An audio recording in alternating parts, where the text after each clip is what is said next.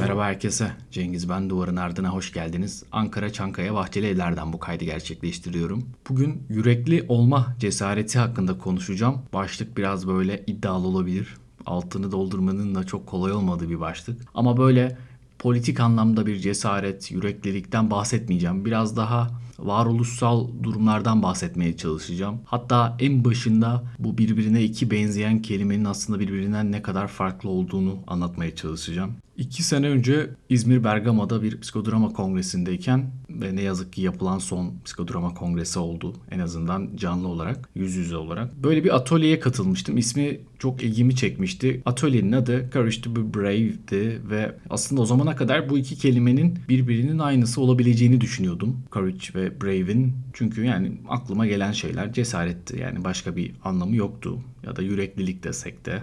İkisi birbirinin aynısıydı. Aslında Türkçe'ye de baktığımızda çok bir fark yok. Yani bu iki kelime birbirinin karşılığı olarak kullanılıyor. Cesaret daha çok kullanılan bir kelime. Yüreklilik, yürekli olmak o biraz daha az seçilen, az kullanılan bir kelime. Bu iki kelimenin böyle birbirinin arkasına kullanılması üzerine bunların bir farkı olabileceğini düşündüm. Ve bir anlamda bir araştırma yaptım. Aslında çok da zor değildi bu araştırma. Türkçe'de dediğim gibi pek bir karşılığını bulamadım. Belki daha detaylı araştırsam bulabileceğim bir şeydi. Yani Google düzeyinden ileriye gitmiyorum. İlginçtir İngilizce'de, İngilizce'den de öte bu kelimenin Fransızcadan İngilizceye geçtiğini düşünerek farklı anlamları var courage'in özellikle. Brave yani cesaret anlamında kullanacağımız brave, cesaret acı verici, zor ya da tehlikeli bir şeyle korkmadan yüzleşme yeteneğini tanımlarken kullandığımız bir ifade.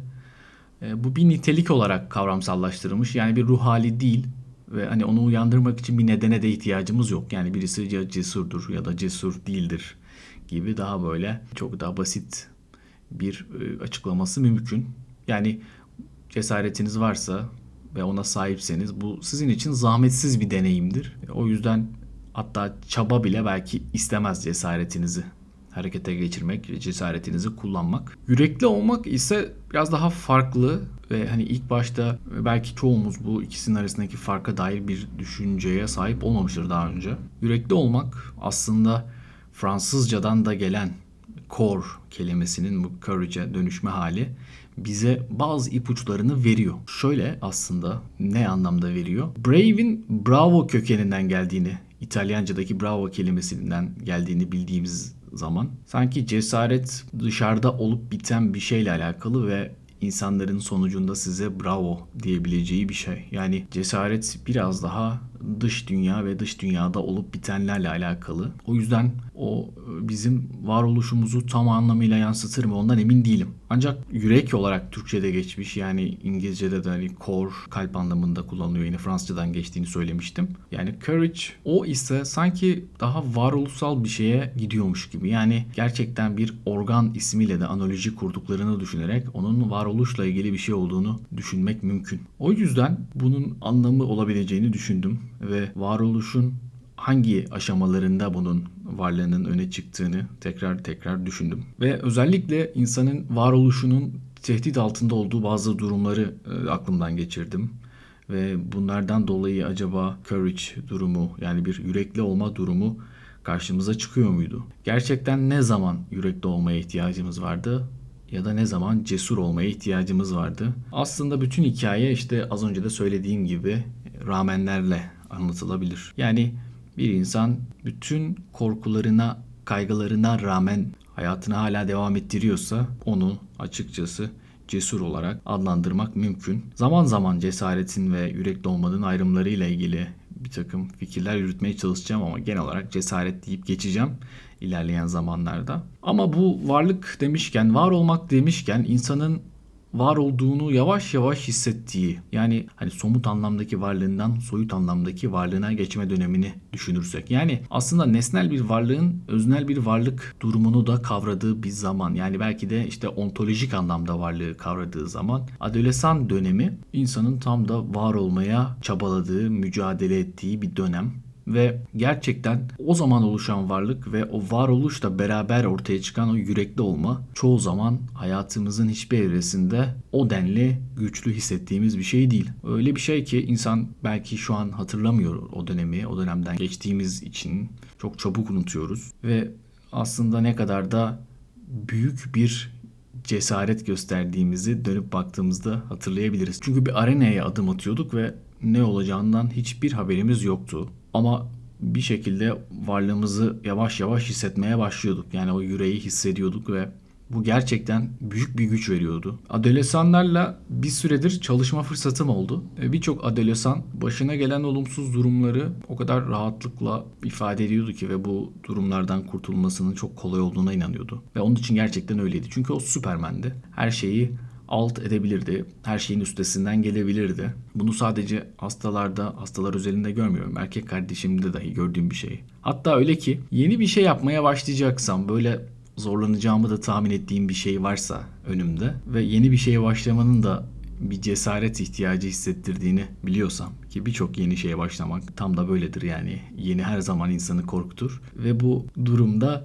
erkek kardeşime sorarım mesela onda sonsuz bir yürek vardır. Çünkü onun yüreği yeni yeni gelişiyordur ve çok da tazedir ona bir şey sorduğumda gerçekten işte hallederiz, olur ya, yaparsın, ben yaparım, sen de yaparsın gibi. Altını belki tam dolduramayacağı ama hislerinin çok yoğun olduğu bir şekilde bu durumları ifade ediyor. Bazen ihtiyacımız olan o işte yürek, cesaret, enerji onlarda fazlasıyla var. Ve zaten aileleri korkutan şey de biraz bu. Bu dönemde gerçekten ergenlik döneminde belki yersiz cesaret onlara zarar verebilen bir şeye de dönüşüyor. Hani tam da o yüreği hissetmeye başladıkları zaman yani varlığı öznel olarak da hissetmeye başladığı zaman beraberinde bazı tehlikeler de gelişiyor ve bu öznelliğin kesintiye uğradığı, varlığı hissetmekle ilgili zorluk yaşandığı bir anda nesnel varlığa da bir son verme durumu zaman zaman ortaya çıkabiliyor. Aslında o kadar büyük bir yüreklilik ve cesareti var ki bütün o ihtimalleri bir kenara atıp geleceğe dair birçok şeyden vazgeçip hayatlarına son verme ihtimalleri durumu ortaya çıkabiliyor ne yazık ki. Aslında hani ramenlerden bahsettim. Bu ramenler çok önemli çünkü hayat ramenlere rağmen devam ediyor. Başka türlü bir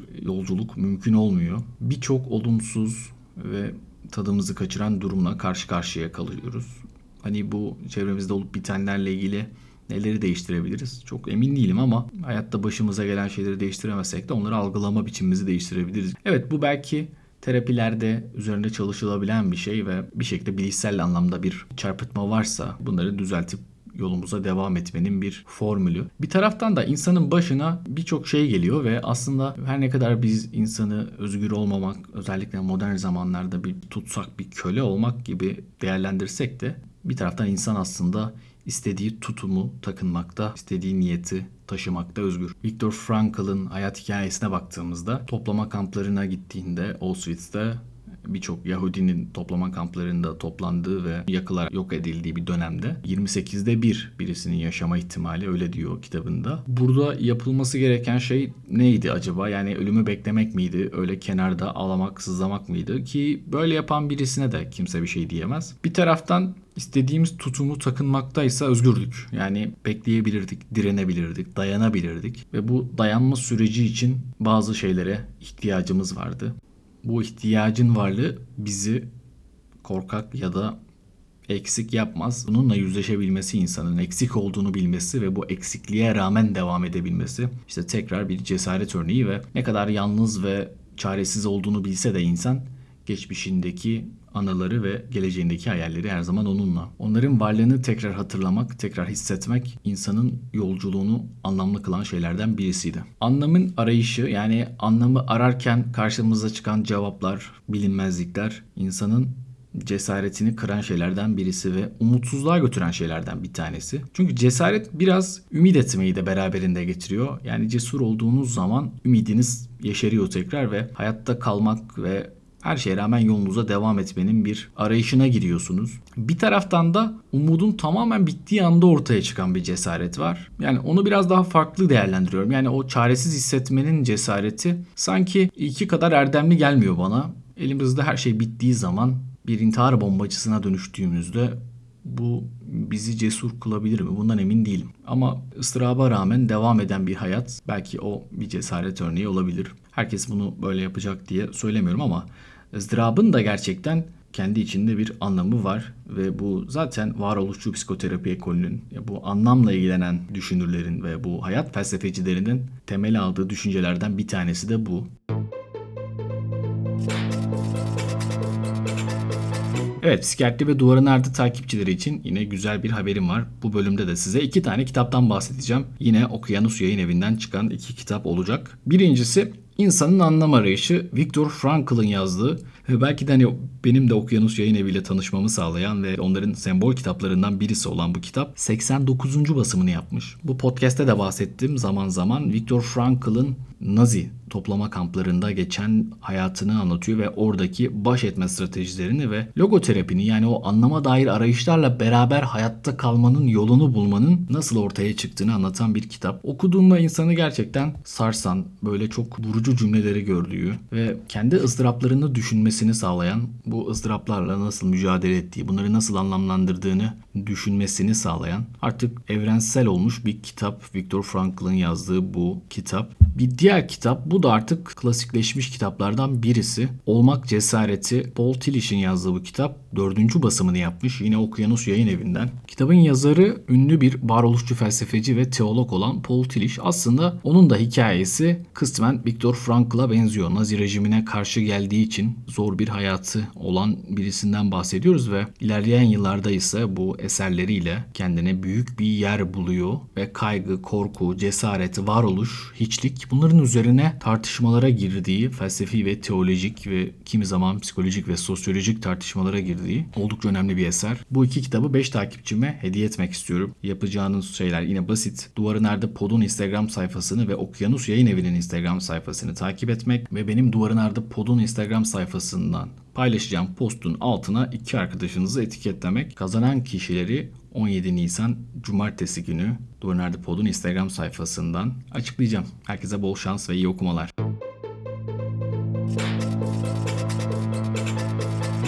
Mesela mimariden bir örnek verirsek bir mimar bir kirişin yeteri kadar sıkı olmadığını düşündüğünde yapacağı şey onun üzerine daha fazla ağırlık koymak oluyor ve böyle yaptığı zaman o parçaların birbirinin içine daha iyi kaynaştığını görüyor. Aslında üzerine gelen bir yükün onu daha sıkı bir hale çevirmesi analoji kurulabilecek bir şey. Benzer şey insanın kemiği için de düşünebiliriz. Yani ayağınızı kırdınız diyelim ki ve ameliyat oldunuz ya da işte onu stabil bir hale getirdiler kaynama sürecinde. Ee, orada hareketsiz durmanın ona ağırlık vermemenin onu çok da iyileştirmediğini biliyoruz. Yani en azından bir süre sonra ağırlık vermek gerekiyor. Ve ağırlık verdiğimiz zaman aslında kemik tam anlamıyla kaynaşmış değil. Ağırlık verdikten sonra kemiğin kaynaşma süreci hızlanıyor. Yani bazen üzerimize binen yükler, ağırlıklar, acılar bizim daha sağlam birisine dönüşmemize yardımcı olabiliyor. Daha sağlam olmak gerekir mi? Evet bu tartışılabilir. Yani e, niye bu kadar sağlam olmamız gerekiyor ki? Yani biz sağlam olmak için mi bu hayatı yaşıyoruz? Ama bir taraftan da hayat dağılıp gidilecek bir noktada ne kadar anlamlı olurdu ondan emin değilim. Yani elbette aşırı kadercilik, başımıza gelen her şeyden bir anlam çıkarma bizim iyiliğimiz içindi gibi bunları düşünmüyorum ama olup bitenlerden sonra olup bitenler hakkında düşünmek ve onlara bir miktar olsun bir anlam yüklemek insanın o içindeki büyük boşlukları kapatan bir şey oluyor. Aslında cesaret açısından baktığımızda ayağı kırılan birini düşündüğümüzde hareket etme cesareti gösterdiği için ayağının kırıldığını düşünebiliriz. Yani sonuçta hiç hareket etmeseydi, evde dursaydı, hiç kıpırdamasaydı muhtemelen ayağı kırılmazdı ama bu daha sağlam bir hayat yaşamasına engel olurdu muhtemelen. Aslında bir şey yapmak, harekete geçmek, birini sevmek, bir yerde yaşamak, bir ideolojiyi benimsemek bunların hepsi bir cesaret işi. Yani çok basit bir şekilde kendi özelimden örnek verirsem. Mesela dondurmayı sevmek bile baktığınız yere göre bir cesaret işi olabilir. Çünkü dondurmayı sevmek demek sürekli dondurma yemek anlamına gelmeyecek. Bazen dondurmadan uzak kalmanız gerektiğini bileceksiniz. Kışın dondurma bulamayacağınızı bileceksiniz ve her zaman her yerde dondurmanın iyi olmayabileceğini de tekrar hatırlayacaksınız. Ve buna rağmen dondurmayı severseniz evet bu belki bir cesaret örneği olabilir. Evet kışın da dondurma yiyebilirsiniz. Yani önünüze çıkan her dondurmayı da yiyebilirsiniz. Ama gerçekten dondurmayı seviyorsanız onu yazın yemeniz gerektiğini de kendinize hatırlatabilirsiniz ve o zaman işte onu yazın yiyecek olmanıza rağmen onu sevmeye devam edebiliyorsanız siz de cesaret göstermişsinizdir. Yani her zaman cesaret bir askerin savaşta, meydanda düşmana sıktığı kurşun olmayabilir. Çünkü zaten insanların neyi, niçin, nasıl yaptığını çok da bilmiyoruz.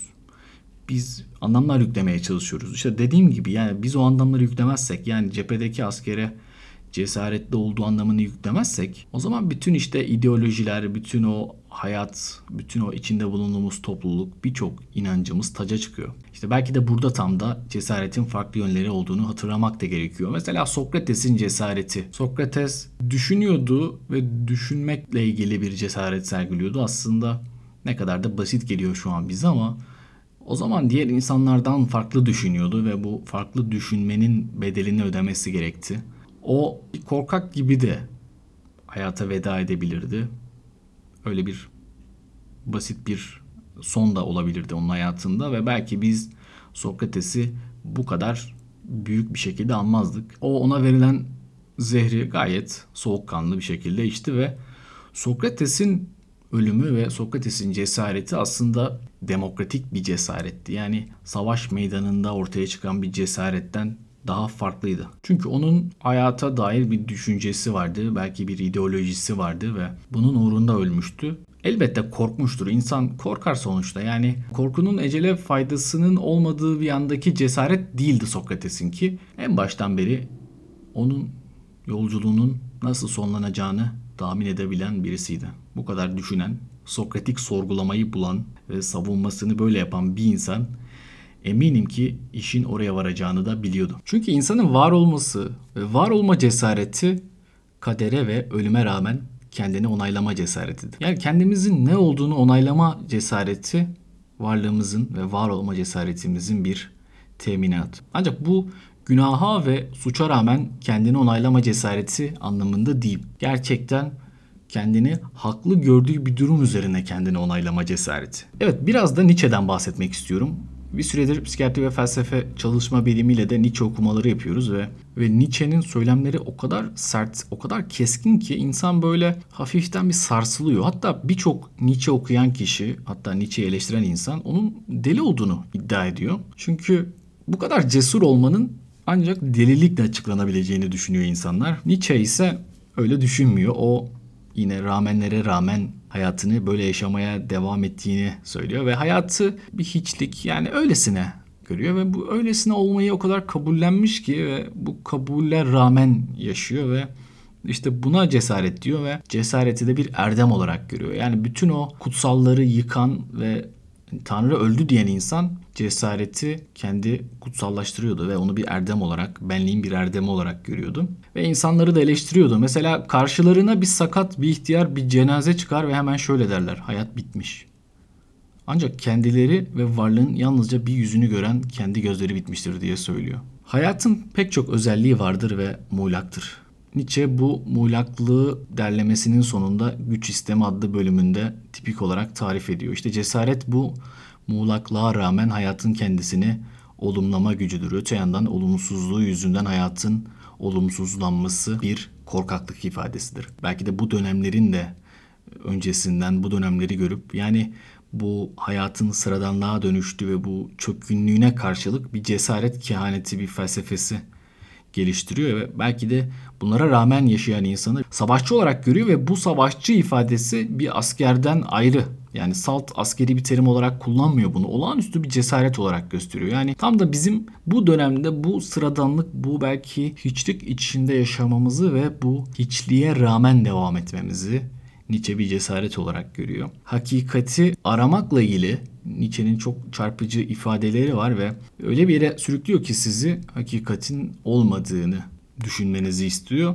ve yine burada hakikati olmayan bir dünyada bu muğlak dünyada hayata devam etmenin bir cesaret olduğunu söylüyor. Hayata devam etmek aslında ölümü de kabullenmekle beraber geçiyor. Bazen insanlar ölümü kabullenmekte zorlanıyor. Hani bu ölümü kabul etmeme bir korkaklık mıdır? Çok belki fazla yüklü bir iddia olabilir ama bazen bazı insanların, bazı kişilerin ölüme farklı tepkiler verdiğini görüyoruz. Ölümü zihinlerinde başka bir şekilde değerlendiriyorlar. Yani hayatın bir parçası değil de hayatın bir komplikasyonu gibi hatta hayatın bir malpraktisi gibi olmaması gereken bir durum olarak ölümü kavramsallaştırıyorlar. Ve bazen bunu hastanede de görürüz yani bir doktor olarak da.